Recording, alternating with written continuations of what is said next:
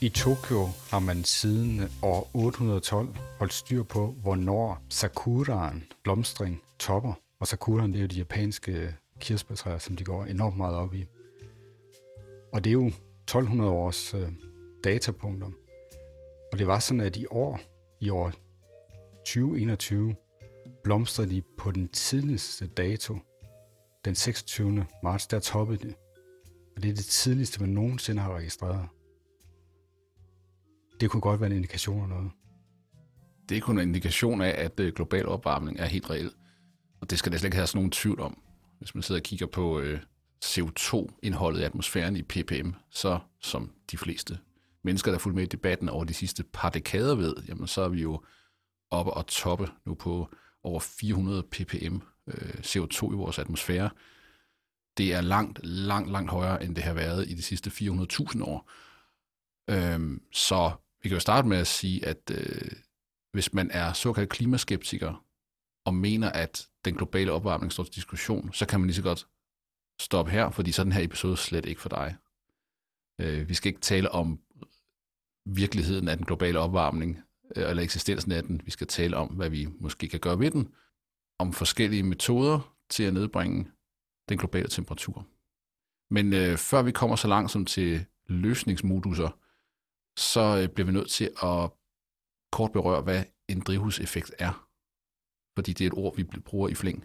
Men hvad er det, der sker øh, i vores atmosfære, når vi taler om drivhuseffekt? Ja, det der er lidt interessant, det er, at, at den drivhuseffekt, vi taler om i forbindelse med global opvarmning, er metaforisk i forhold til den drivhuseffekt, der er i egentlig drivhus. Det, der sker i et, øh, i et drivhus, som vi bygger, det er, at man nedbringer øh, konvektivt varme, varmetab. Det vil sige, at ved at, at lave den her glasstruktur, så får man fanget noget varme øh, ind fra solstrålingen, så varmer man luften op i drivhuset, og så glasset hjælper så også til at forhindre, at den her varme luft i drivhuset, den stiger op og ud, og det kan man jo så konstatere, at hvis man åbner vinduerne øh, i toppen af drivhus, så kan man så nedbringe temperaturen. Men det er faktisk ikke det, der sker i atmosfæren. Det er derfor, det er metaforisk. Det, der sker der, det er, at solen den øh, indstråler øh, energi på nogle øh, bestemte bølgelængder. Der er noget ultraviolet lys, så der er synlig lys, og så er der sådan nogle nær infrarøde øh, frekvenser, det kommer med. Og det, der så sker i atmosfæren, det er, at øh, og i samarbejde med jordens overflade, det er jo, at den her stråling kommer ind, så bliver den absorberet af især jordoverfladen, og så i den proces, så bliver det omdannet til nogle andre bølgelængder. Og øh, det er sådan nogle andre indfrøde bølgelængder, som bliver strålet ud af. Og det de her drivhusgasser, som vi har hørt om, og også noget, som vanddamp gør, det er, at de kan absorbere det infrarøde stråling, der var på vej ud fra jorden.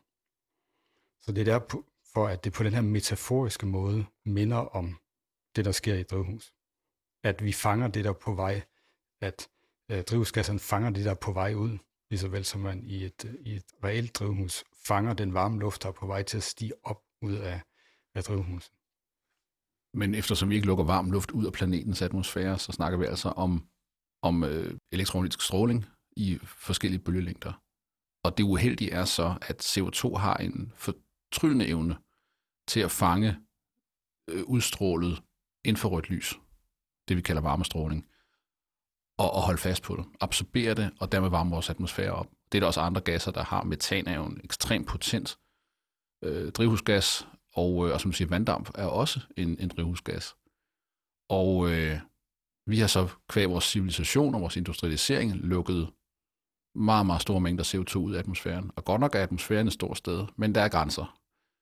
Og øh, og, og, og det, der sker nu, er, at vi har ramt også nogle grimme feedback-mekanismer, der gør, at jo mere CO2 lukker ud i atmosfæren, jo mere temperaturen stiger, jo mere CO2 bliver så, så frigivet. Og det, det er den, vi står overfor. Vi står overfor et, et ret uheldigt scenarie, hvor, hvor de her øh, øh, eksponentielle fremskrivninger, som vi har berørt før i andre sammenhæng, jo i den grad gør sig gældende. Uden noget drivhuseffekt, så var vi her nok ikke alligevel. Fordi der er nogle egenskaber ved jorden, som gør, øh, at vi ligger i en bane i kredsløb omkring solen, og hvis man regner på jorden, som det kalder et, et sort lame osv., så, så vil, øh, så vil vi mere have en, en gennemsnitstemperatur på minus 18 grader. Altså hvis vi absorberede alt den energi, vi får fra solen. Jamen, og den blev, den blev, og den blev afgivet øh, igen, mm. Mm. Som, som hvis jorden var sådan et, et sort lem. Og, mm. og, og, og så kan man sige, det, er jo, det ville jo faktisk ikke være så godt, fordi så, så ville det være for koldt, til at vi kunne have vores, det meste af vores øh, biologiske liv. Og så nok tvivlsom om, om der findes noget, som, som minder om mennesker og, og den slags pattedyr, som, som, som vi er en del af. Så, så der skal være noget drivhuseffekt, så det er også et spørgsmål om, at, at vi skal ligge i den rigtige zone. Og det er så der, hvor vores antropogene processer med at frigive CO2 fra de fossile brændstoffer, jo så har bevæget os et andet sted hen i den her zone, og et potentielt over i nogle andre regimer, og det er jo sådan noget der, hvor at de her øh, dynamisk komplekse, ikke-lineære systemer øh, er, kan være meget svære at forstå og meget svære at, at styre os. Mm. Og, og det er jo så det, øh, der jo også er uvidsthed om stadigvæk, hvordan hænger det her øh, globale klimasystem egentlig sammen. Men ofte så kan man jo gøre det med, med sådan nogle systemer. Man kan godt sige noget om nogle netop regimer eller nogle overordnede dynamikker, og det er jo så også derfor, at at vi ikke vil overhovedet diskutere, hvorvidt der finder en antropogen global opvarmning sted.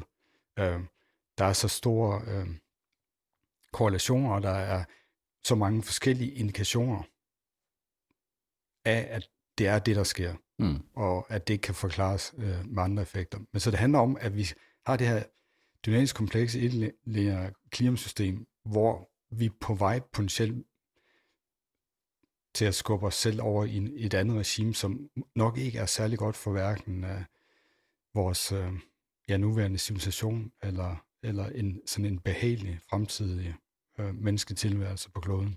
Og det er jo et af, point, en af pointerne, det er, at meget diskussion går på det her. Har der på et tidspunkt jordens historie været et højere CO2-indhold øh, i vores atmosfære? Det har der ganske givet. Men øh, alt det, vi kalder den menneskelige udvikling, og det liv, vi kender, er udviklet hen over de sidste ganske få tusind år.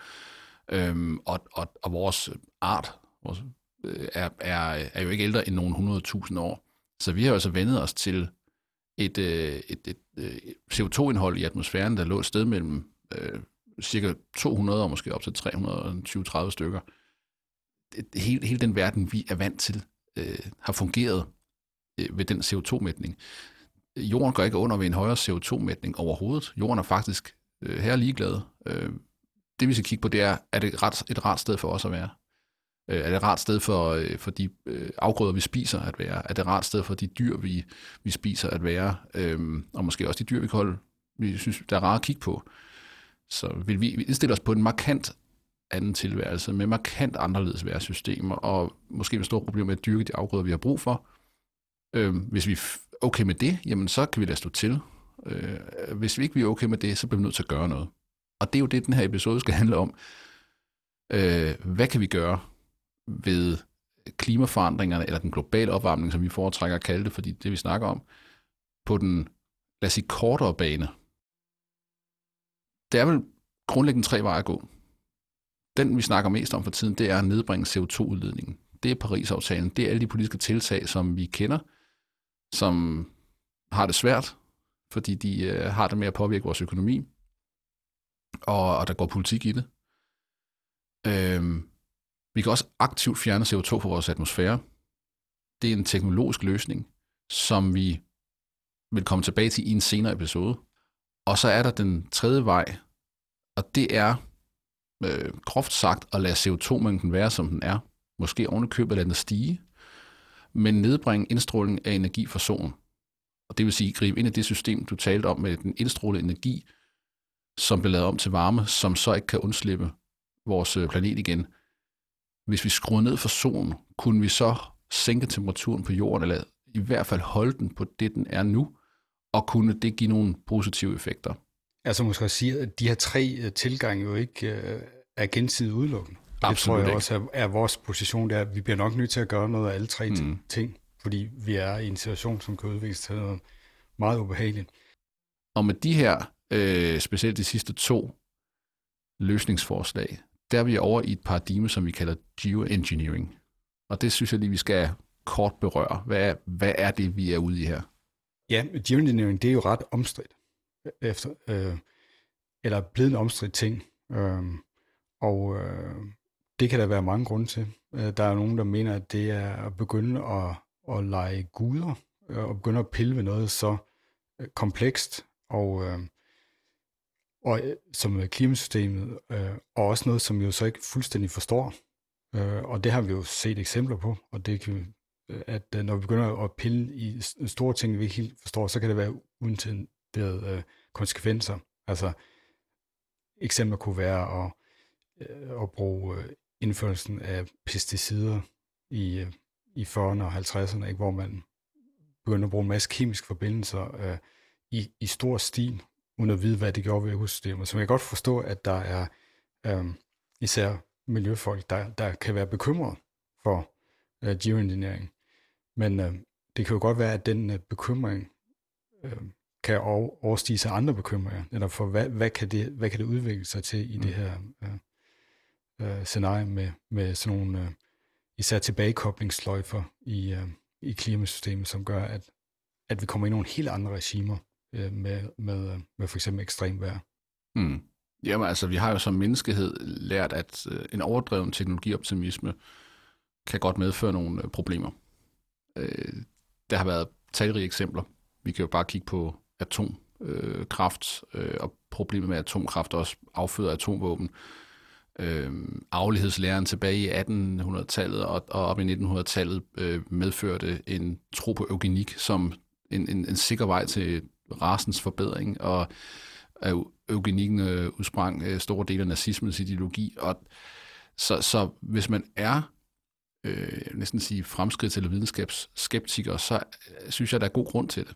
Geoengineering, hvor vi begynder at øh, pille ved, hvordan vores planet og systemerne, der driver vores planet, hænger sammen. Øh, der er vi jo oppe i en skala og en påvirkning på alle mennesker på planeten, som jo ikke er triviel, for at sige det pænt. Det er måske en af de største undertakings, menneskeheden nogensinde vil begive sig ud på, skulle vi vælge at gå den vej, og hvis vi kan gå den vej. Altså det, man så kan sige jo, det er, at med, med den brug af fossile brændstof, som vi har haft gang i øh, i nogle hundrede år, der har vi jo sådan set, uden at vide det, lavet geoengineering. Øh, og derved er vi så kommet i den situation, mm. vi er nu. Øh, fordi vi gjorde, begyndte især med den første industrielle revolution at, at brænde øh, fossil brændstof her i en mængde, som gjorde, at, øh, at vi fik sat gang i den her globale opvarmning, uden at vide, at at det kunne være konsekvensen. Uh, så så det, det, det, det var et af, de, en af de indvendinger, man kunne uh, fremføre i forhold til, til skepsis over for geoengineering, det er, at vi har sådan set egentlig allerede været i gang med det. Mm. Det her ville så være en bevidst måde at prøve at gøre noget, i stedet for, at der bare ubevidst sker noget. Ja, så når vi brænder øh, regnskov af for at dyrke landet, så er det også en form for geoengineering i meget lille skala måske, men trods alt med en vis påvirkning vores monokulturlandbrug verden over, er også en form for geoengineering, fordi det har hele tiden en effekt på øh, de meget ekstremt komplekse systemer, som vi lever i. Og det er jo nok først gået op for os inden for, inden for de altså, seneste, jeg ved ikke, 100 år, måske mindre, øh, hvad den effekt er. Altså, og jeg tror stadigvæk rigtig mange har en idé om, at verden er så stor, at atmosfæren er så stor, at hvad vi, hvad vi gør ved den, har nok ikke nogen effekt. Det hører man jo også fra diverse såkaldte klimaskeptikere, at, at det, det store skaberværk, det er så øh, uforståeligt stort, at øh, hvad vi små mennesker render rundt og gør, det har ikke nogen effekt. Men det er jo noget vrøvl, og man kan bare regne på det, øh, hvad omtalte personer så i høj grad undlader at gøre. Øh, så øh, så vi har sat vores aftryk på planeten i meget, meget høj grad. Og vi kan så vælge at bruge nogle teknologier på at øh, afbøde de problemer, vi står overfor. Vi kan, øh, vi kan også vælge at sige, sådan er det. Vi kan måske gå efter en status quo. Uanset hvad, skal der gøres noget aktivt. Og som sagt, øh, det med at skære ned på CO2-udledning, det, øh, det gemmer vi lidt, og specielt også det med at aktivt fjerne CO2. Men det vi skal kigge på, det er ideen om at skrue ned for solens indstråling af energi til jordoverfladen. Den metode, som nok er bragt op flest gange, fordi det er ligesom den ældste idé, øh, det er en, man kan kalde det en kemisk tilgang, men det er faktisk også en mekanisk tilgang, fordi vi snakker om kemiske reaktioner her, men, men, men, øh, men at efterligne det, som der sker ved store vulkanudbrud.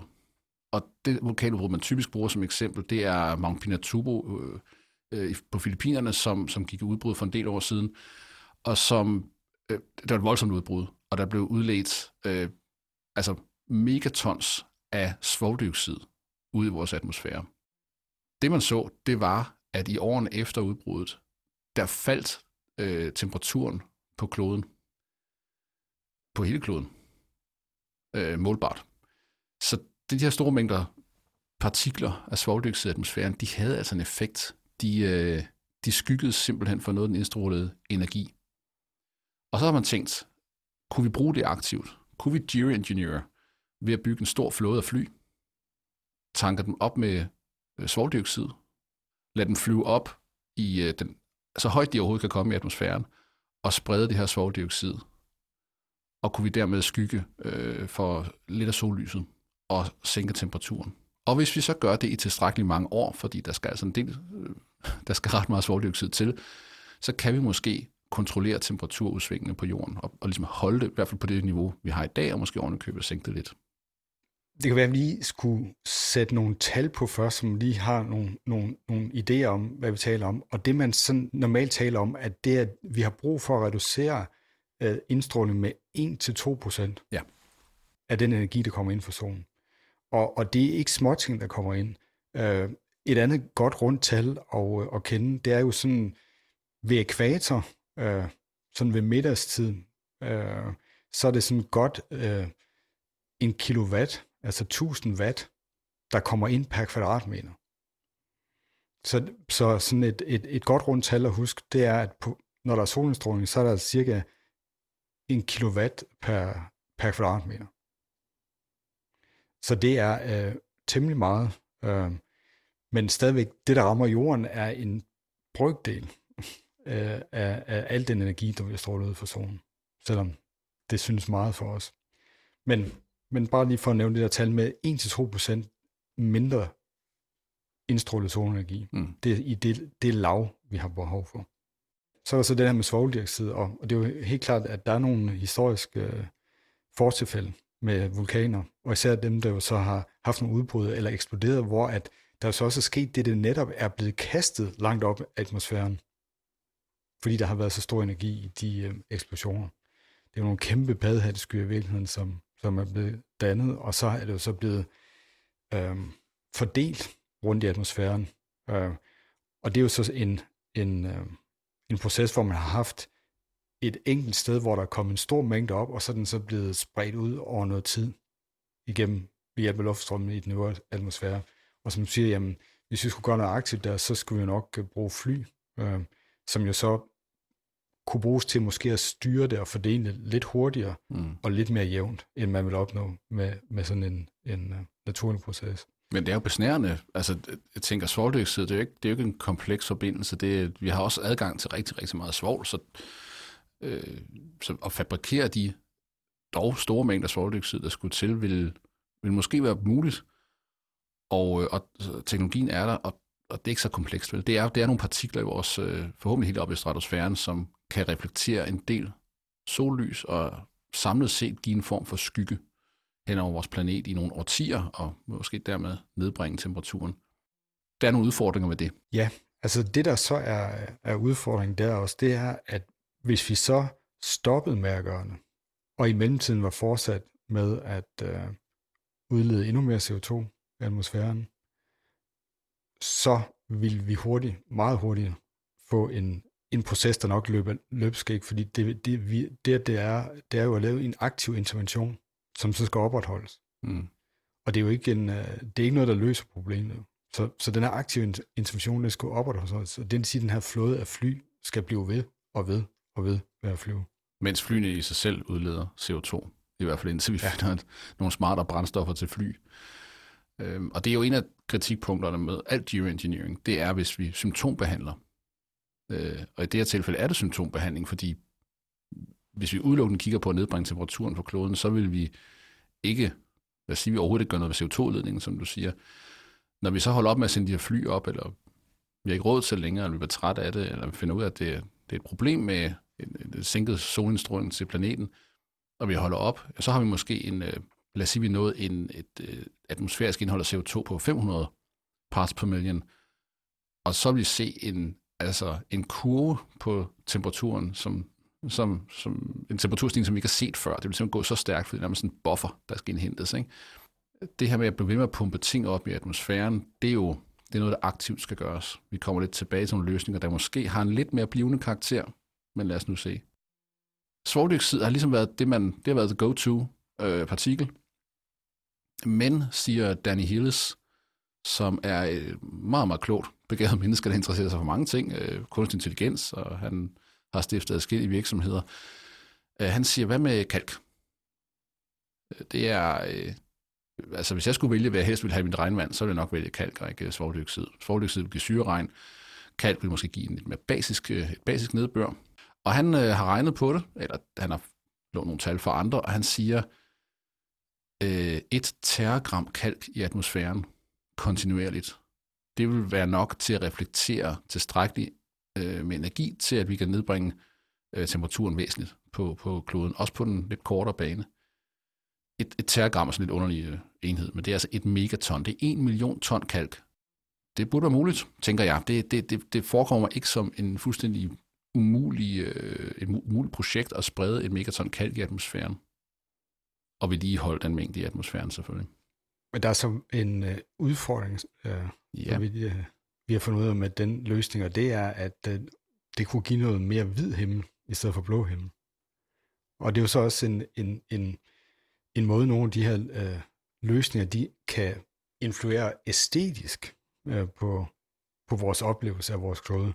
Men også, øh, og det er jo så mere spekulativt, det kan godt være, at der er nogle dyr, der bliver negativt påvirket øh, af, at himlen ikke er blå, som øh, er, øh, det kunne være fugle, der navigerer, eller et eller andet, som der er nogen, der er vant til at, at forholde sig til, at der er noget, der er, er blåt, øh, og, og, og så bliver det hvidt.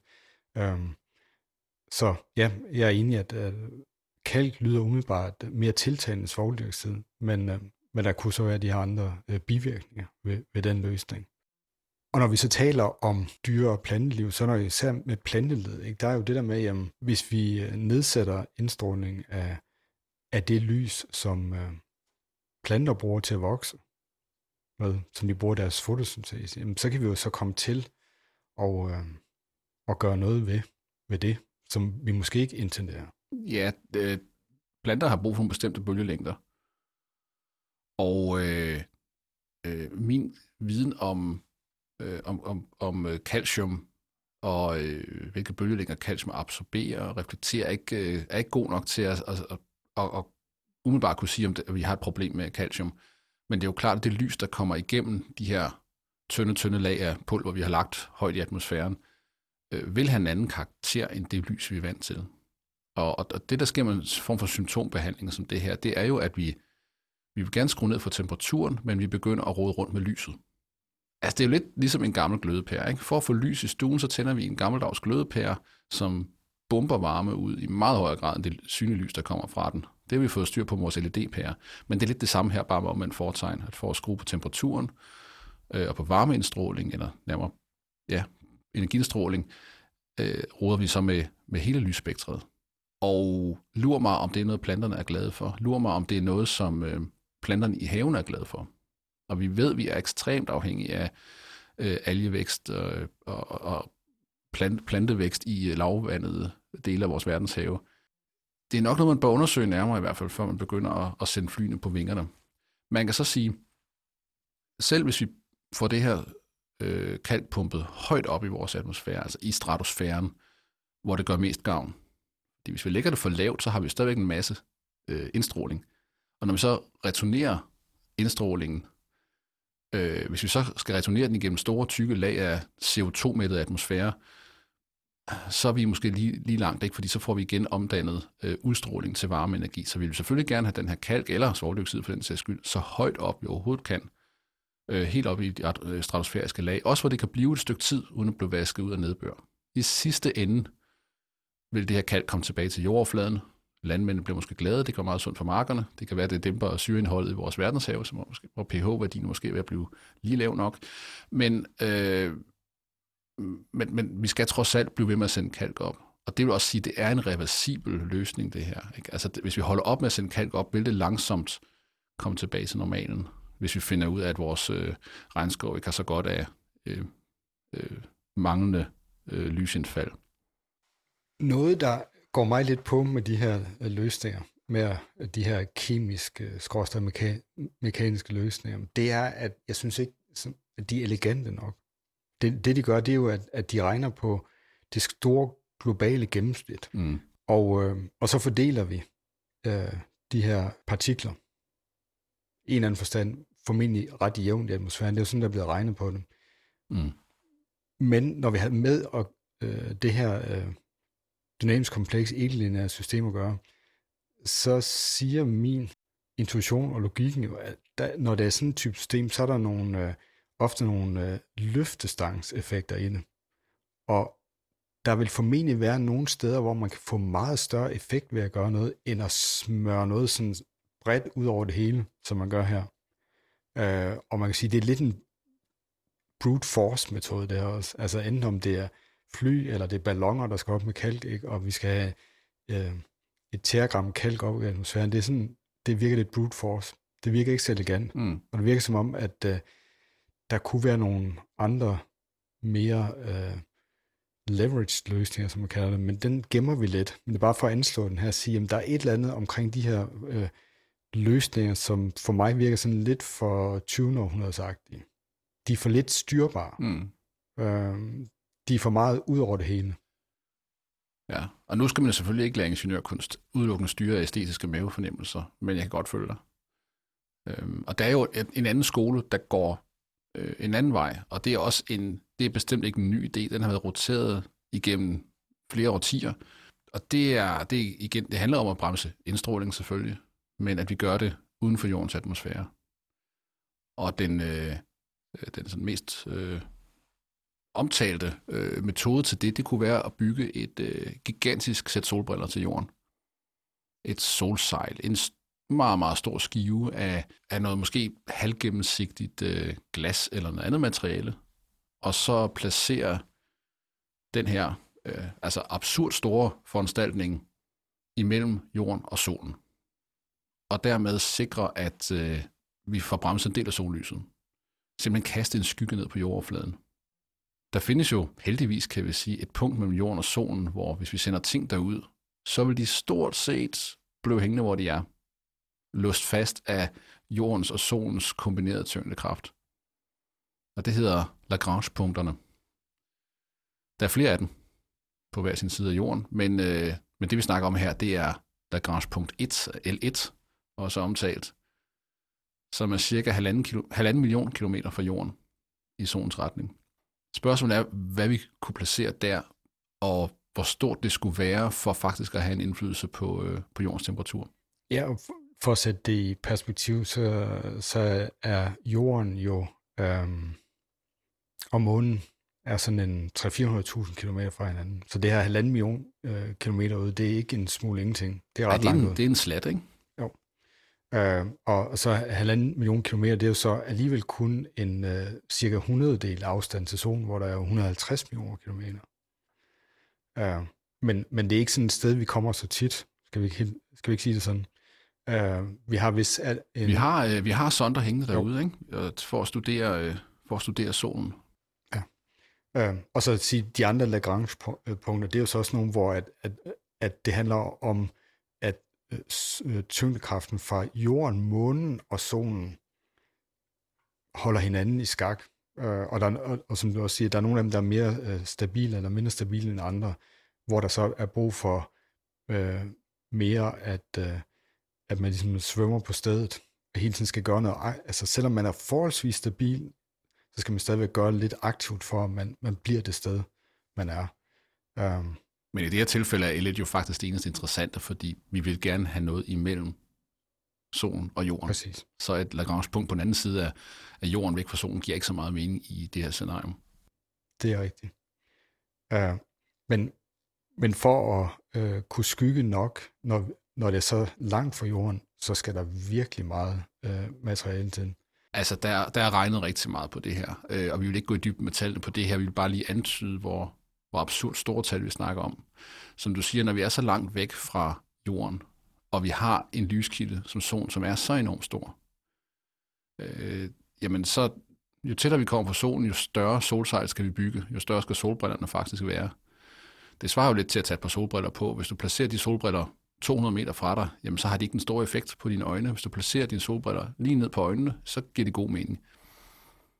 Og øh, selvom halvanden million kilometer fra jorden stadig er meget, meget tættere på jorden, end det er på solen, øh, så skal vi lave et seriøst stort solsejl for igen at skygge for de her 1-2% af det indfaldende lys og, og energi fra solen mod jorden. Så, øh, så man kan sige, altså, hvis man regner på omkostningerne, så snakker vi kvadrillioner af kroner. Øh, øh, det kan man så argumentere for at sige, at det er jo penge, der bliver på jorden. Men det, det er mange arbejdspladser, der skulle bygge på, på den her, hvad det så end skal være af øh, glaspaneler, eller øh, en sky af mindre øh, øh, sonder, eller et eller andet, øh, som... Øh, det kunne måske være nogle hvad ved jeg, materede kugler af en art. Problemet er bare, at de skal have en eller anden form for styringsmekanisme, fordi Lagrange-punktet, øh, eller L1, er ikke helt stabilt. Vi har brug for at kunne holde den på plads. Øh, det sidste, vi har lyst til, det er, at de begynder måske at smutte i retning af jorden, og så, øh, lad os sige, vi har, øh, har sendt øh, nogle megatons øh, masse ud i L1, og de begynder at bevæge sig ind mod jorden. Øh, det vil være et uheldigt øh, scenarie for at sige det pænt, ikke? så vi skal kunne holde den på plads derude. Det, det, det kræver noget, noget thrust, det kræver noget øh, software, noget elektronik. Øh, det er ikke nok bare at sende en sky af et eller andet derud. Øh, og den sky skulle så under alle omstændigheder være rigtig stor. Og det kan jo så også tilføjes der, at, at uh, selvom fotoner jo ikke har en hvilemasse, som vi også har talt om før, mm. så har de jo moment. Mm-hmm. Og det vil sige, at når man skal gøre et eller andet med, med fotoner, øh, og de rammer et eller andet, så, så bliver der gerne overført noget af det her moment. Og, og det er jo så også noget, der, gør med, der er med til at gøre, at selvom Lagrange-punktet i sig selv ikke er helt stabil, så vil alene det at øh, skulle afbøje sågar nogle fotoner vil gøre, at de her ting kommer til at flytte lidt på sig. Mm. Så, så det er en ret dynamisk situation, man er i. Ja, altså vi, øh, for at få en skygge, der er stor nok, snakker vi jo om en, en solbrille, der måske er oppe i nærheden af samme størrelse som jordens øh, tværsnit, fordi den er så langt væk. Øh, det er et stort sejl, øh, der skal spændes ud, og det sejl vil jo så fange solvind. Øh, det vil have en enorm effekt faktisk, og, og, og derfor skal det holdes aktivt på plads. Alene at få materiale nok derop, øh, øh, en, en super fed YouTuber, der hedder Joe Scott, han har, han har regnet mere præcis på det, end vi har, og, og øh, han regner afsted med 2 og 3 millioner opsendelser, hvis vi kan bruge Elon Musks øh, Starship 1, som pt. er det rumskib, vi har med størst lastkapacitet, eller snart har i hvert fald. Øh, 2 til 3 millioner opsendelser, det er mange. Det er, det er øh, et, et opsendelse hvert minut i de næste mange, mange årtier. Ja, og mange, mange flere opsendelser, der nogensinde er blevet foretaget. Så det er en, det, det er en smuk tanke, og det virker som en, en, en enkel øh, og dermed øh, æstetisk lækker løsning. Men, øh, men stadigvæk i brute force-kategorien, synes jeg. Øh, uanset om man så bruger, der er foreslået, du ved, solsejl, der slet ikke slipper noget lys igennem, så er der foreslået perforeret solsejl, så de kan blive flyttet alt for hårdt af solvinden. Så er der foreslået øh, Fresnel-linser, som er øh, øh, linser, der kan diffusere lyset og bøje lyset omkring jorden. Øh, men jo mere lys, der slipper igennem, jo større areal skal sejlet, eller linsen, eller hvad det nu er, øh, have. Så uanset hvad, så står vi med nogle ingeniørmæssige, øh, voldsomme, voldsomme udfordringer. Og så har vi jo så ikke engang talt om de politiske udfordringer. Fordi en ting er de geopolitiske udfordringer ved at sprede kalk i atmosfæren. Nogle lande, med, øh, der er meget afhængige af landbrug, kunne måske godt tænkes at være lidt imod det. Det kan godt være, at langtidseffekten er god for alle mennesker, men vi har jo vist historisk set, at vi ikke nødvendigvis tænker super langsigtet, hvis, øh, hvis tiltag har øh, øh økonomisk øh, impact på den kortere bane. Altså hvis vi nu bare nævner USA og Paris-aftalen for eksempel, eller de fleste andre lande, øh, Øh, som har svært ved at indgå i et samarbejde omkring nedbringelse af CO2-udledningen. Men hvis vi nu forestiller os et kæmpe aggregat, øh, halvanden million kilometer fra jorden, som sender en massiv skygge ned på jorden. En skygge, der fylder, lad os bare sige, 1% af, af jordens overflade, øhm, øh, som vil ligge og kredse rundt øh, om ekvator. Jeg er sikker på, at der er nogle stater i Afrika, i øh, Asien, øh, Mellemamerika, som ikke vil bryde sig om, at øh, der bliver slukket for solen en gang om dagen. Øh, jeg er sikker på, at de vil synes, at det er en stor pris at betale for, at nogle øh, vestlige lande lidt på nordlige halvkugle har svinet med CO2-udledning. Øh, så geopolitisk en løsning, jeg tror, bliver voldsomt svær. Selv hvis vi kunne finansiere den. Selv hvis vi kunne øh, finde, øh, finde ud af, hvordan i alverden vi skulle gøre det. Ja, og så er der jo det, at sådan en struktur jo ikke umiddelbart er produktiv. Mm. Som sagde, så vil det skabe en masse arbejde øh, på jorden, men, men den genererer jo sådan set ikke et udkomme andet, end at den prøver at forhindre et problem, vi har skabt sammen. Mm. Uh, og det kunne jo formentlig også skabe nogle udfordringer i forhold til at, at få ja, finansieret det. Altså på godt og ondt er vores civilisation drevet af markedsmekanismer øh, som kan være ret komplekse, og man kan mene om dem, hvad man vil, men økonomien er en driver. Og øh, jeg synes, vi før har set, at selv store fornuftige tiltag, hvis der ikke er en kortsigtet toplinje i dem, så er det meget, meget svært at samle rigtig mange mennesker omkring det. Der er ikke grænser for, hvad mennesker kan, når der er penge på spil.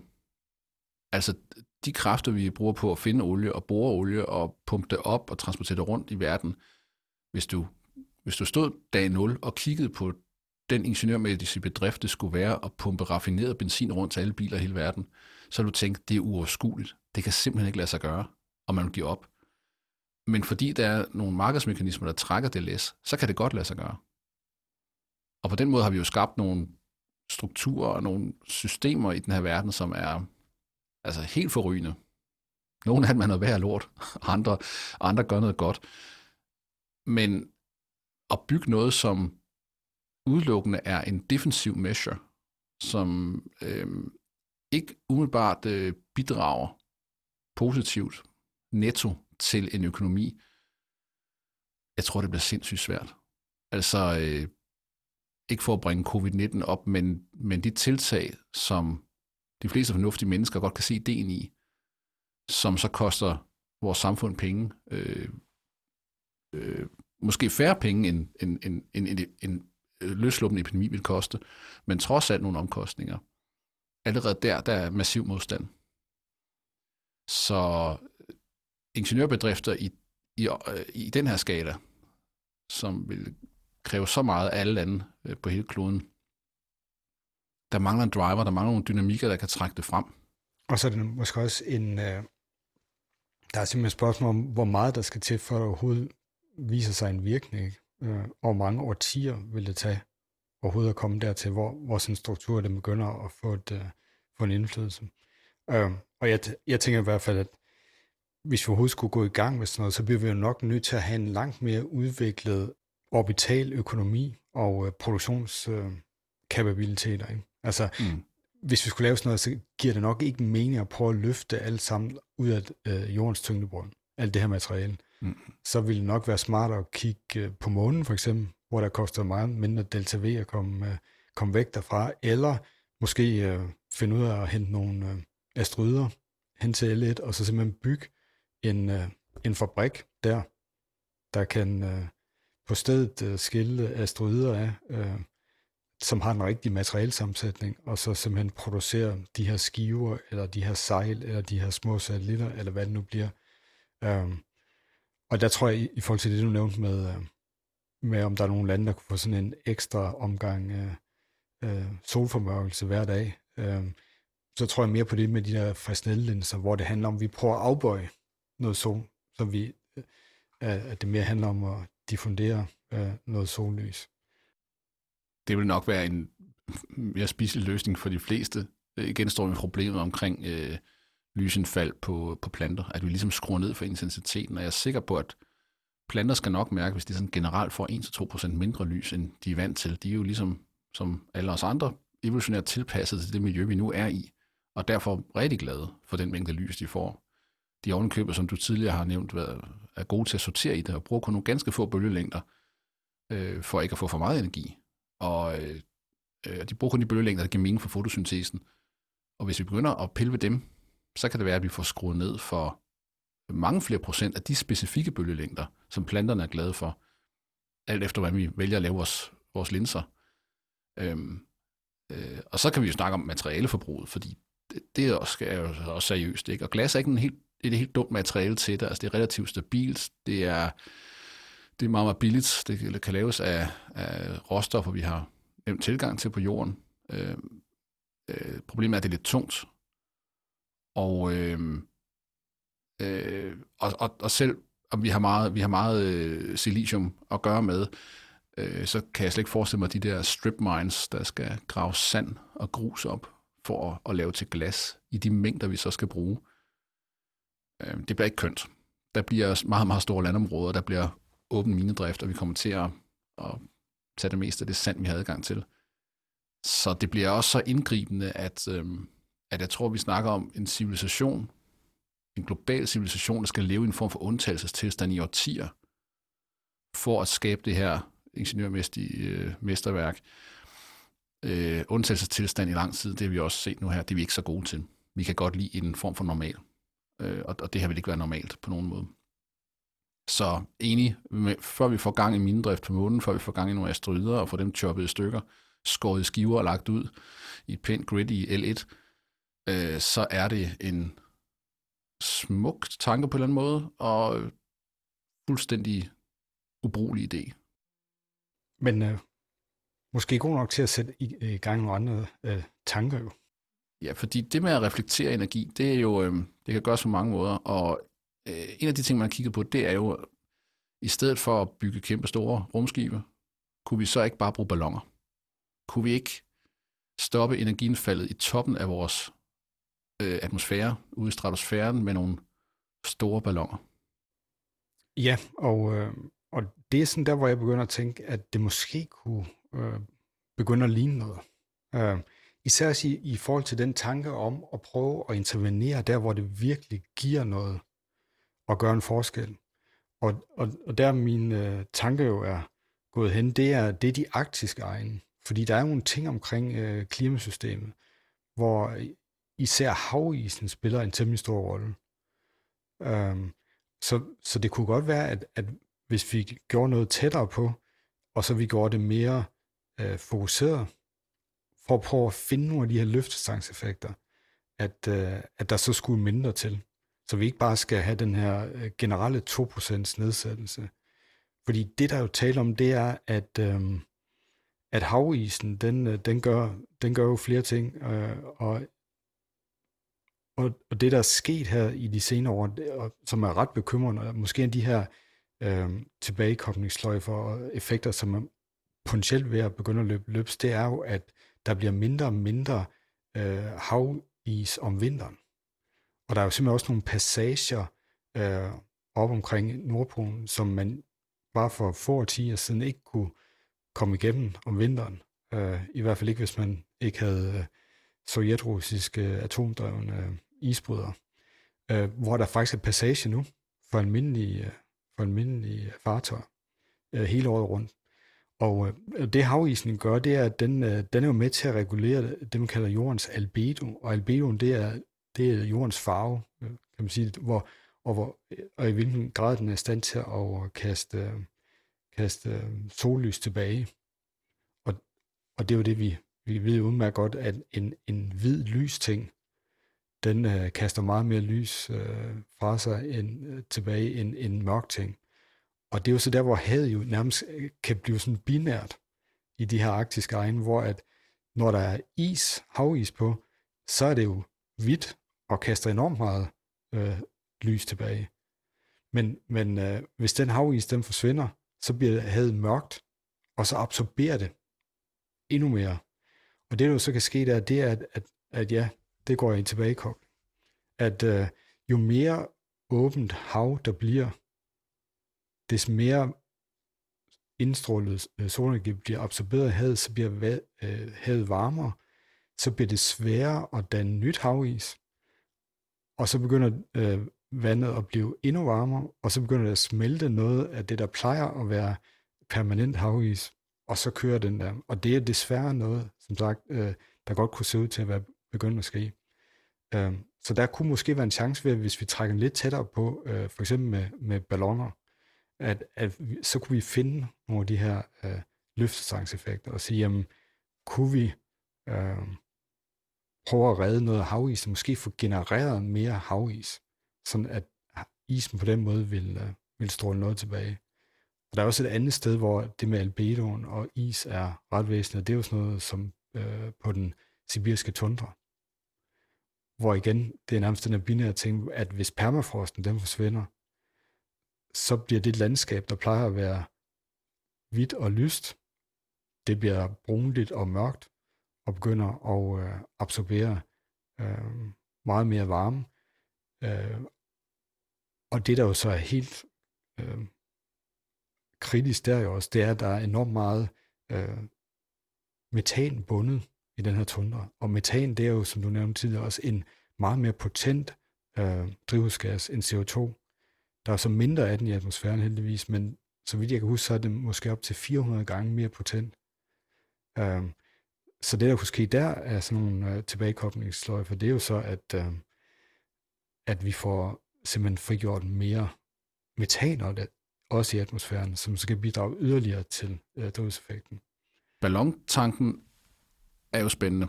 Altså, det er ikke fordi, det er en nem bedrift, fordi der skal bruges mange ballonger. Vi kigger lidt på det her, øh, er det Alphabet, altså Googles moderselskab, der har eksperimenteret med, med internet via ballonger i deres Loom Project. Og øh, øh de, de ballonger, de, øh, de er selvfølgelig ikke lavet til at skygge, men de er sig selv 15 meter diameter, det er sådan 175-76 øh, kvadratmeters øh, øh, svind, der kunne sende en, der kunne skygge for lidt. Ikke? Der skal mange ballonger til, før vi har en effekt. Men ideen skulle så være at bruge den, som du siger, strategisk, øh, måske i kanten af, af øh, isdækket på polerne, og sørge for, at, at, øh, at vi lige køler kanten af isen, sådan at vi kan få mere is. Vi kan måske bremse trods alt den, øh, den smeltning af isen, som pt. sker, øh, og langsomt udbygge øh, isdækket, og dermed hæve jordens albedo. Det lyder som en, en langsigtet affære, men lidt har vel også ret. Det, jeg kunne frygte umiddelbart, det er, at de her, øh, det her at Nordvestpassagen er åben for første gang i mange, mange år, og man kan begynde at sejle fragt nordom, og dermed spare rigtig meget tid. Man kan måske spare rigtig mange penge ved ikke at skulle igennem øh, Panama-kanalen. Øhm, vi har også set, at de kanaler de kan være lidt skrøbelige her for nylig. Øh, det er rigtig interessant for shipping. Og nu har vi altså en, øh, en økonomisk faktor, som øh, faktisk trækker den anden vej, og tænker, at det der globale opvarmning, det er da ikke så tosset. Vi kan begynde at bruge efter olie øh, i tidligere isdækkede områder, og vi kan frem for alt sende en hulens masse fragt den vej øh, i skibe, der så udleder CO2 i øvrigt. Øh, så der har vi altså en driver, der går den forkerte retning, synes jeg. Øh, det bliver svært at overtale øh, de her multinationale selskaber til igen at lade være med at sejle nordom, fordi øh, nu har vi altså tænkt os at fryse Polen til igen. Ja, det er jo så der, hvor at, øh, at hvis vi forlader øh, det der brute force øh, tankegang fra 2000 med bare at øh, kaste en masse sovdioxid op i atmosfæren, så det er et spørgsmål, om vi kunne få en bedre styring på det. Og det, det er jo interessant øh, med Loon-projektet også fra, fra, fra Alphabet, som de jo egentlig har opgivet nu i forbindelse med, med internet, men de har fået udviklet nogle styringsmetoder, blandt andet ved brug af, af machine learning, øh, som gør, at, at de kan holde nogle balloner på positioner, og endda ikke, ikke kun holde dem. De kan også styre dem ved at udnytte øh, og gå op og ned i de her meget høje lag af atmosfæren. Vi skal dem rigtig højt op, hvor næsten så højt op de kan komme jo, mm. øh, for, for at, øh, at øh, vi ikke får for meget vind øh, mm. og, øh, at gøre med. Men, men der har de udviklet nogle teknikker der, som de har patenteret også, men som man så måske kunne, kunne få lov til at licensere af dem, så, så man kunne lave meget bedre styring. Og så kan det jo godt være, at vi kan få et pose sæk, at vi både kan prøve at stimulere dannelsen af, af permanent hav i samtidig med, at vi holder en nordvestpassage fri. Mm-hmm. Øh, og det kan vi jo ikke med sådan det der, øh, de, de, de brute force mekanismer med bare at kaste ting op med atmosfæren og så håbe på, at de fordeler sig.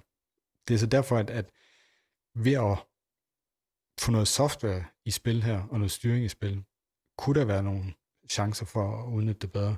En anden ting, vi kunne nævne i det arktiske det er jo også noget som, uh, som den grønlandske indlandsis, som jo bestemt heller ikke er sjov at begynde at få til at smelte, fordi mm-hmm. uh, det kunne bidrage temmelig meget til, til vandstanden i verdenshaven. Uh, og her så kunne det jo være en dansk vinkel også, eller i hvert fald en vinkel inden for uh, rigsfællesskabet, som er, at uh, hvis vi gør de her ting i, i noget, der i virkeligheden er, er, er rigsfællesskabets luftrum, hvis vi prøver at begynde at redde noget havis omkring Grønland, så kunne vi gøre det, uden at der var andre øh, nationer, der kunne blande sig ind. Mm. Absolut. Øh, der er en masse spørgsmål omkring det her, og også den løsning, vi skal tale om, eller et, et løsningsforslag, vi skal tale om om lidt, øh, hvor, hvor min viden om vejrsystemer og klima helt klart kommer til kort, og det er, er det nok, altså kan vi gro is ved at hindre øh, energiindstråling? Øh, det er nogle komplekse systemer, som du nævnte før, og øh, havvandets temperatur er jo ikke nødvendigvis afhængig af, hvad der sker med solens indstråling lige på det lokale område. Så nedsmeltningen og afsmeltningen af is fra, fra polerne kan jo sagtens skyldes øh, måske en varmere golfstrøm og, og andre fænomener, der fører varmt vand op, smelter isen, og så kan vi godt prøve at køle isen, men, men is er, som du siger, har en høj albedo øh, nær en, og, og, og vil derfor reflektere rigtig meget af det indstrålede energi alligevel.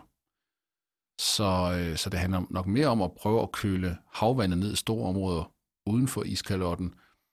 Øh, men spørgsmålet er, hvad, hvad der vil ske der. Altså, der, der det er hammerne komplekst, og nogle, nogle kloge mennesker bliver nødt til at regne grundigt på det der, fordi øh, kold overfladevand nedkølet på grund af manglende indstråling vil synke.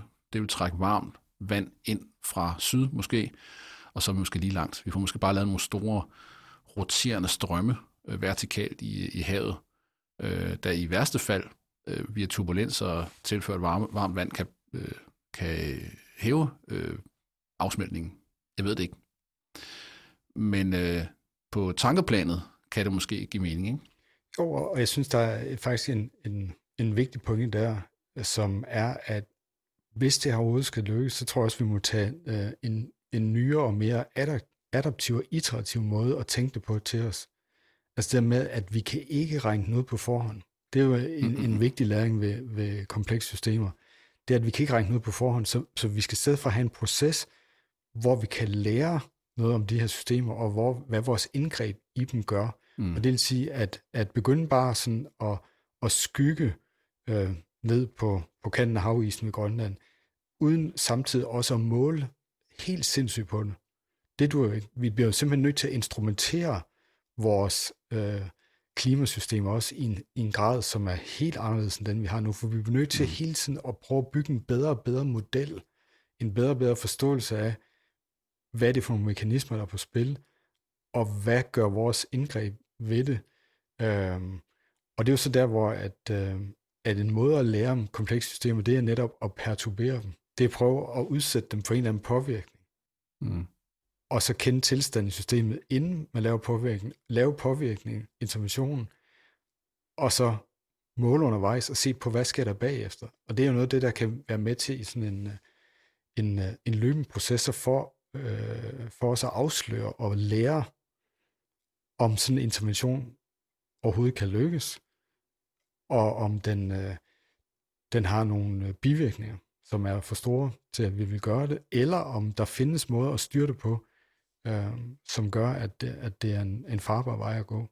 Og, og det må vi jo sige, det ved vi simpelthen ikke nu, og, og, og, og der skulle pointen så være, jamen, kun en eksplorativ proces vil kunne afdække, hvorvidt det overhovedet er muligt. Og det siger også noget om den førnævnte monolitiske base i L1, der vil koste alt, hvad jeg har. Øh, øh, en, en sidste udvejsløsning vil være endnu mere dødfødt, fordi de afledte effekter i de komplekse systemer, der udgør vores klima, er fuldstændig uoverskuelige. Vi aner ikke, hvad der vil ske. Men hvis vi først har sat hele huset på at bygge den her, øh, de her, det her sæt solbriller i øh, halvanden million kilometer fra, fra jorden, øh, så er der ikke nogen vej tilbage. Så det vil være en tåbelig løsning. Og som du siger, en, en 20. århundredes løsning, hvor vi mener at kunne regne det hele ud, lave en kravspæk, og så går vi i gang med at bygge. Vi ved, at sådan hænger verden ikke sammen. Så vi skal i gang i noget mere distribution. Vi skal i gang i, øh, i noget adaptivt. Ja, og, og noget vi øh, begyndte at snakke om for et par sommer siden, og som er totalt spekulativt, og Meget. kom nærmest ud af nogle, nogle koger, jeg havde, hvor jeg begyndte at tænke over øh, nogle gamle ting, øh, som jeg havde øh, omkring rumfart. Det, det var jo at sige, jamen, kunne vi lave en sværm af satellitter i lavt øh, jordkredsløb? Det er jo en ting, blevet en ting også nu, øh, blandet med, med Starlink. Starlink, som sandsynligvis var det, der slog Loon Project ihjel. Mm-hmm. Fordi Google kan ikke gøre det med ballonger, som SpaceX kan med, med satellitter. De vil i hvert fald, det vil tage mange år at komme, komme hen til det sted, hvor SpaceX er nu. Ja, det, ideen skulle så der være at sige, kunne vi øh, kunne eventuelt lave nogle satellitter, med nogle, som er nogle store sejl, nogle store reflektorer, som, øh, som i stedet for at hænge øh, i halvanden million kilometers afstand fra jorden i sådan en monolit, ikke, så er en langt mere dynamisk intervention, som netop også baserer sig på, at vi i dag kan lave en helt anden slags software til at styre sådan noget. Og så lave øh, interventionen også, så den er adaptiv i forhold til øh, tilstanden på jorden og i atmosfæren. Ikke? Um, og det er virkelig spekulativt, uh, det vi har haft gang i der at kigge på. Uh, og så en anden idé var jo så også at sige, kunne vi potentielt gøre en løsning til noget, der havde et uh, netto økonomisk udkomme? Mm. Som vi nævnte tidligere, det er jo lidt et problem med de andre løsninger, jeg har talt om, det er, at det er sådan set nærmest ren tilsætning. Uh, de effekter, øh, positive effekter, som man får, er potentielt jo nogen, som nogle efterkommere får om nogle årtier. Og hvis der er noget, vi har vist som civilisation, så er det, at vi vil, vi vil skide vores efterkommere. Vi taler meget om den næste generation, men ikke engang den næste generation gider vi at, at gøre det store for, vel? Så, øh, så det der med at sige, at det er godt for vores race som sådan, og menneskehedens fremtid, det har ingen gang på jord. Det er ikke en driver, du kan bruge til noget som helst. Det er meget sødt, men det virker ikke. Så vi skal have penge, nu og her. Vi skal se en indtægtsstrøm på den korte bane, for at, øh, at vi gider få fingrene ud. Det er vel reglen. Ja, og, øh, og i, ideen så det, det kunne være bag noget sammen, og det er så at tage det der med, at vi skal have reduceret indstråling fra solen, og vi skal have gjort det øh, kirurgisk. Vi skal have gjort det smart. Mm. Men øh, det kunne også være, at vi kunne udnytte noget af det. Og det er jo så en gammel idé, og, øh, som går tilbage til, øh, til 60'erne, og som da jeg læste om den som barn i, i starten af 80'erne, altid har givet intuitiv mening for mig, og det er jo at lave det, man kalder solenergisalinder. Og det er, i stedet for at høste solenergi hernede på jorden, så er det jo at hente den ud i rummet, inden øh, den overhovedet kommer ind i atmosfæren. Um, og den har jo så været forfulgt af, af en del omgang, øh, siden der blev taget patent på den også. Jeg mener, det er 68. Um, øh, og den er sådan omstridt også i den forstand, at uh, der er nogen, der ikke mener, det kan overhovedet komme til at hænge sammen økonomisk, og der er en af dem, Elon Musk, man kunne mistænke ham for, fordi han har økonomiske interesser i et uh, firma, der sætter solceller op på jorden, så kunne det godt være, at uh, det er en grund til, at han ikke synes, den det, er det er. Så. Det er jo svært at sige, men, men, men øh, øh, jeg synes et sted, han har om nogen bevist, at det, som andre siger, ikke kan lade sig gøre øh, rent økonomisk. For eksempel producere elbiler i stor skala. Det kan det godt. Altså, der sker noget i, med economy of scale, som bare er spændende. Så lad os ikke, lad os, lad os ikke øh, afskrive den på, hvad, hvad småkonservative økonomer siger. Vi har før set, at nogle modeller pludselig fungerer, når det kommer op i en, en, en skala, og når, når udbuddet af andre energiformer vil ændre sig. For eksempel atomkraft, som vi jo begyndt at lukke ned for. Ikke? Ja, og så er der jo også øh, der er jo andre, som øh, hvis øh, arbejde vi sætter pris på, som jo så øh, viste sig for ja, godt et års tid siden, øh, begynder at snakke om præcis det samme, og det er jo Isaac Arthur, som har en super fed øh, øh, YouTube-kanal. Han mener også, at det her solenergisalitter er øh, noget af det, der kunne sætte gang i en rumøkonomi, og han nævnte også den her kombination i et afsnit om potentielle øh, interventioner over for, for øh, global opvarmning på den korte bane. Øh, så, så den er ikke så langt ude. Det var en dejlig bekræftelse at få, at, øh, at der er andre, der tænker i den retning. Vi forestiller os, at man bygger en, en sværm, og sværm er et fattigt ord i den her sammenhæng, for vi snakker om seriøst mange satellitter, så primitiv som muligt på en eller anden måde, fordi de skal være mange, de skal være billige. De skal kunne tre ting. De skal kunne skygge for solen i et eller andet omfang. Det vil sige, at de skal have en vis størrelse, hvor den her skygge giver nogen som helst effekt. De skal også kunne generere elektricitet ud fra sollys. Så vi snakker altså om en solfanger, der skygger. Det findes i forvejen. Øhm, de skal være styrbare. Fordi hvis vi bare smider dem op i, i store skyer af satellitter, øh, så har vi faktisk lidt en brute force løsning igen. Vi kan klare os med væsentligt færre satellitter. Stadig ufattelig mange, men væsentligt færre, hvis vi kan styre dem derhen i banen, hvor vi har brug for dem. Jævnfør øh, pointen med, med før nævnte ballonger. Kan vi få dem placeret over indlandsisen? Kan vi få dem placeret i kanten af Polens iskalotter? Eller andre steder, hvor vi pludselig finder ud af, at gud, her har det en effekt. Er der måske nogle havstrømme, øh, der begynder at dukke op, som vi helst ikke øh, ser? Kan vi, kan vi ændre på dem ved at køle ned lokalt? Øhm, og, og der har vi sådan mere du siger, kirurgiske effekt, en, et, et kirurgisk redskab til at begynde at styre vores klima. Et redskab, der skal bruges med stor forsigtighed. Et redskab, der måske kan bruges som våben, hvis man er rigtig træls, ikke? Men lad os ikke gå den vej. Det, det igen, det er det geopolitiske. Og, og, og frem for alt, så har vi så et redskab, som kan generere en, øh, et revenue i form af elektricitet. Får vi den elektricitet ned til jordoverfladen på fornuftig vis. Mikrobølger eller laser øh, kunne være en vej, ikke? Jo, og, og lige præcis det med transmission, det er der her for nylig et dansk firma, der er involveret i at øh, lave afprøvninger sammen med den amerikanske flådeforskningsinstitut. Øh, og, og lad mig sige, der er sådan en, øh, en tærskel, man skal over i forhold til, øh, hvad den her energi, øh, som bliver produceret, den vil koste, ikke? fordi der er jo etableringsomkostninger her. Øh, men der er jo også nogle steder i verden nu, eller nogle formål, øh, hvor at, øh, at øh, elektrisk energi er meget dyrere, end det er sådan generelt. Og, og det er så der, for eksempel amerikanske her og flåde og sådan noget, har nogle steder, hvor at øh, de i dag jo sender virkelig mange tons øh, fossile brændstoffer hen for at kunne køre generatorer, der genererer energi. Men hvis man kunne få det fra kredsløb, lige så vel som ideen med Starlink er, at man kunne få øh, internetforbindelse hvor som helst på jorden fra kredsløb, så kunne der godt være nogen aftager, der var villige til at betale meget mere for noget energi, for at få sat sådan en, øh, en, øh, en produktionskapacitet op. Um, så, så det kunne være en måde at, at, at bootstrap den på, simpelthen kaste sig op i sadlen, hvis man kunne finde sådan nogle aftager. En anden mulighed for det her strøm, uh, det var jo også bare at holde det, sådan set bare holde det i, i kredsløb. Det kunne godt være, at man kunne lave en måde at levere strøm til andre satellitter på, for eksempel. Fordi mm. sådan det er i dag, det, det minder jo egentlig lidt om, hvordan det var tidligt i elektrificeringshistorie. Øh, eller vi har talt om dampmaskinen tidligere, hvor at hver enkelt fabrik havde sin egen dampmaskine, eller havde sin egen øh, generator, øh, dynamo, til at lave strøm.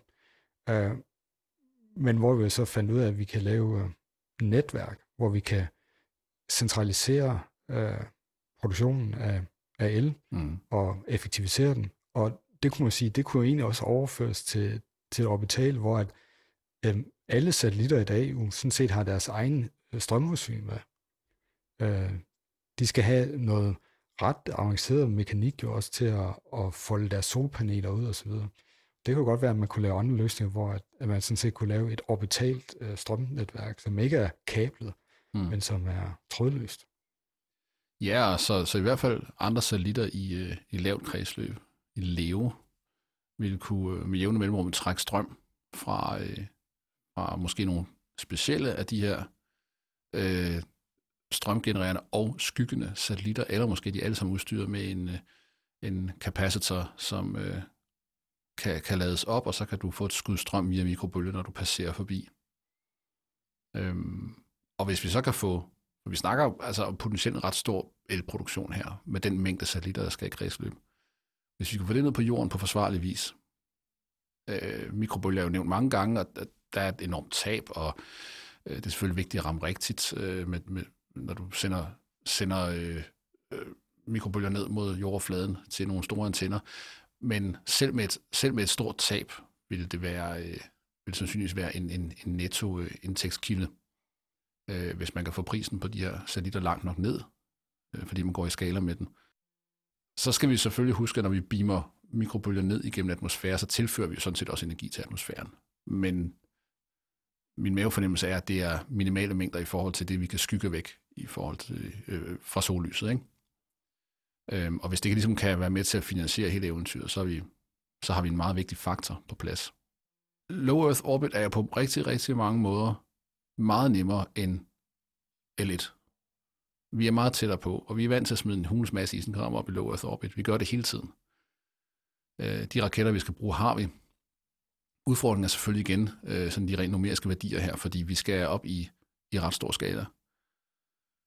Vi skal stadigvæk skygge 1-2% af energiindfaldet mod jorden væk. Øh, og, og alt efter, hvor store vi kan lave de her satellitter, hvor store det kan betale sig at lave dem, øh, skal de være enormt komplekse origami-udfoldende øh, mesterværker, eller kan det meget bedre betale sig at lave nogle super billige plader med noget billigt elektronik og nogle få thrusters på? Det, som Starlink har vist, det er jo, at ideen om at tænke i massiv mængder satellitter, hvad jeg personligt ville have fuldstændig afskrevet, som Gator Mathias for få år siden, det er økonomisk forsvarligt. Så bare det at give folk en nogenlunde internetforbindelse, ikke så god som fiber, men bedre end hvad rigtig mange mennesker får rundt omkring, øh, det er der mange penge i. Så hvorfor skulle man ikke kunne se et, øh, en, en forretningsmodel på væsentligt flere satellitter, der kan levere energi, måske også internet, og så samtidig har en, øh, en positiv effekt for hele mennesket som sådan, nemlig at vi kan køle jorden ned. Ja, så kunne man da forestille sig også hybridløsninger. Jeg kan godt øh, forestille mig, at, øh, at vi koblede ballongerne sammen med øh, altså, øh, noget orbital. Ikke? Øh, og formentlig med ballongerne selv, der ville, der ville det nok være godt at have en sværm af isovervågningssatellitter. Og den her instrumentering. Ikke? Øh, og det er jo også noget andet, som sådan en sværm kunne levere, og det er der jo også andre sværme, der gør nu, øh, som øh, ikke leverer internet ligesom Starlink, men som simpelthen er øh, jordovervågningssværme. Øh, og det så vi også i forbindelse med, øh, med øh, Ever Evergiven, der sad fast i Suezkanalen, at der er jo private udbydere af satellitfotografi, øh, som simpelthen nu kan levere billeder, som ikke er særlig langt fra det, øh, der kun var efterretningstjenester beskåret for få år siden. Øh, så der er jo en masse muligheder også for at, øh, at, at putte nogle, nogle instrumenter på de her satellitter, og dermed bidrage til øh, både at kunne styre hele det her system, men jo så også generere data, som kan komme andre til, til gode, og derfor vil også blive en, en indtægtskilde i sådan et, et samlet system. Det lyder besnærende. Der er en eller to udfordringer, naturligvis. Ja, små, små øh, udfordringer. Øh, små, små udfordringer. Øh, øh, og af en eller anden bizarre grund, så er det jo så mig, der har det matematiske lod i den her episode, og jeg er absolut den dårligste til matematik af os to.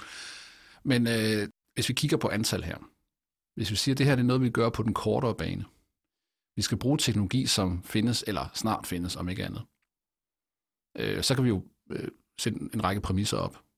Det største, det, det største raket, vi har adgang til, meget snart i hvert fald, det vil være øh, SpaceX Starship. Øh, det er den raket med størst løftekapacitet, som vi har umiddelbart udsigt til. Og øh, i sådan en kal, der kan vi pakke øh, nogle solbriller, kan vi sige, nogle satellitter på en, øh, en øh, 8,5 meter diameter, kan der være en fairing, som er den lastdelen, øh, toppen af raketten. Den er 9 meter, så har den vist tykkelse osv., så lad os sige 8,5 meter øh, skiver af en art. Øh, det er 56 kvadratmeter per skive. Hvor tyk, hvor tyk vil sådan en, en, en skive være? Det er meget svært at sige. Kan vi lave det af, af grafen snart, så kan den blive helt ufatteligt tynd. Men jeg tror ikke 5 mm tykkelse vil være helt forkert med nutidens teknologi. Den skal trods alt kunne klare nogle belastninger. Øh, der skal sidde noget mekanik på den. Vi skal, vi skal kunne flytte med den. Hvis ikke vi kan flytte rundt på de her satellitter, hvis ikke en, noget machine learning kan bestemme, hvor satellitterne skal være, måske også, hvordan de skal vende, om de skal lukke sollys ind eller ikke lukke sollys ind, ligesom en patiente, kan vi sige, øh, så er det jo bare igen brute force metode. Så vi, vi skal have noget elektronik på, vi skal have noget kommunikationsudstyr, vi skal have nogle thrusters af et eller andet art, ikke? vi skal måske have noget brændstof. Øh, behøver ikke være meget, fordi vi kan få masser af gratis energi, men måske noget, nogle øh, jon, øh, eller noget lignende, det vil sige en smule argon skal vi måske have med ind. I don't know, det må en ingeniør kigge på. Lad os sige, at vi kan pakke det hele ind med en tykkelse af cirka øh, øh, en, en halv centimeter. Så kan vi stakke de her øh, skyggekaster, lad os kalde dem det, 3600 styk i en opsendelse. Hvis vi antager, at vi bygger en speciel færing, hvor der er plads til 18 meter skyggekaster i, i højden. Men vi skal bruge mange af dem. Et slag på tasken. Og nu snakker vi, hvis vi skulle skygge 2% af det indfaldende energi væk, så vil vi med 56 kvadratmeter per styk skulle bruge et sted mellem 1 og 2 milliarder af de her baser, ikke? Vi kan gøre dem større, så skal vi bruge færre, men det, vi, vi snakker om nogle virkelig substantielle øh, tal her. Øhm, med 3600 ved opsendelse, så skal vi altså have omkring en halv million opsendelser af Starship. Se, det er færre opsendelser, end vi skulle bruge for at bygge noget ud i L1. Simpelthen fordi vi har brug for mindre overflade, fordi vi er tættere på jorden. Altså det er en væsentlig faktor, vi introducerer her ved at komme tæt på jorden. Skyggen batter bare mere på den afstand.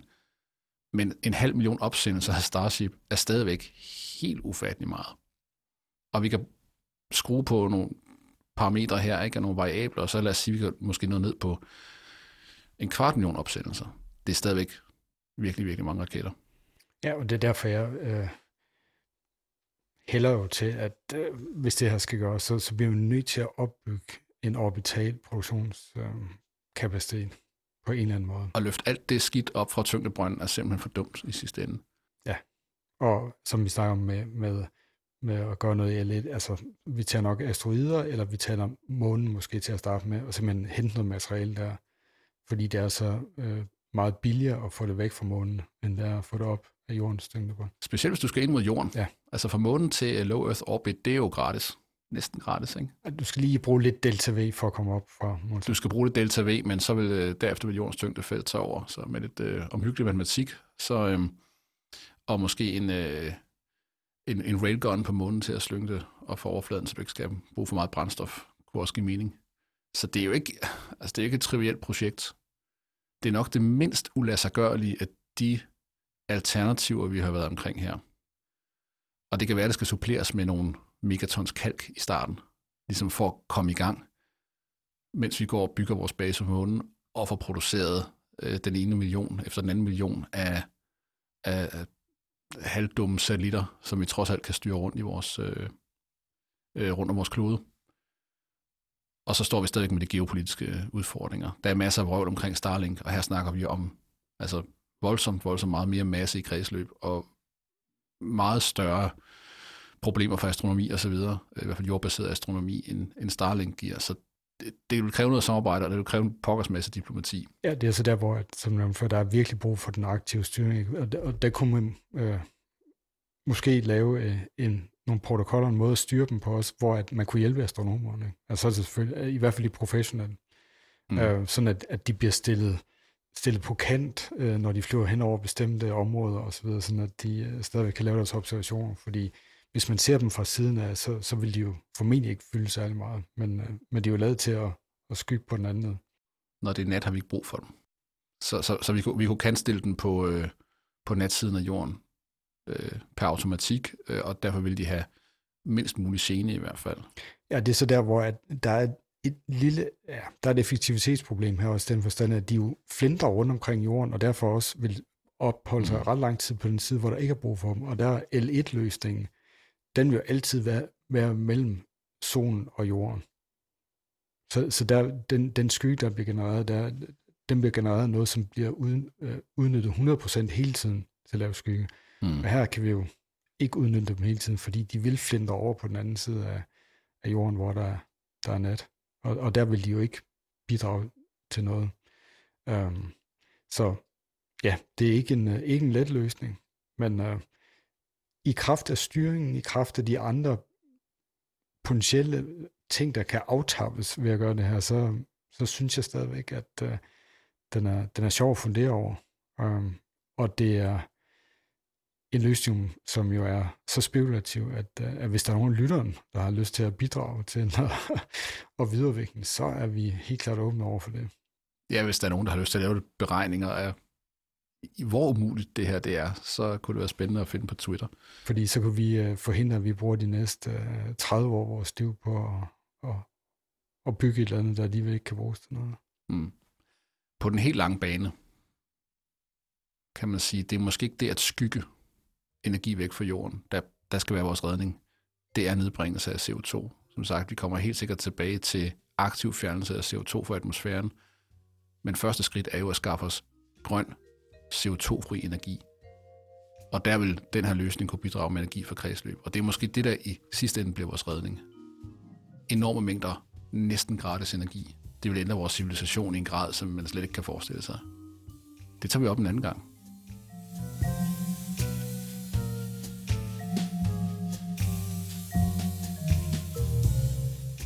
Silberbauer og Blomset er en samtale om systemerne, videnskaben og mønstrene bag fænomener og teknologier, der præger alt for vores dagligdag til menneskehedens ultimative skæbne. Har du kommentarer eller spørgsmål til episoden, du lige har hørt, så fang os på Twitter på snabelag Silberblom. Her poster vi også links til kilder og andet indhold, som er relevant i forbindelse med vores episoder. Abonner på Silberbauer og Blomsæt på Spotify, Apple Podcast eller din yndlingspodcasttjeneste. tjeneste. Tak fordi du lytter med. thank you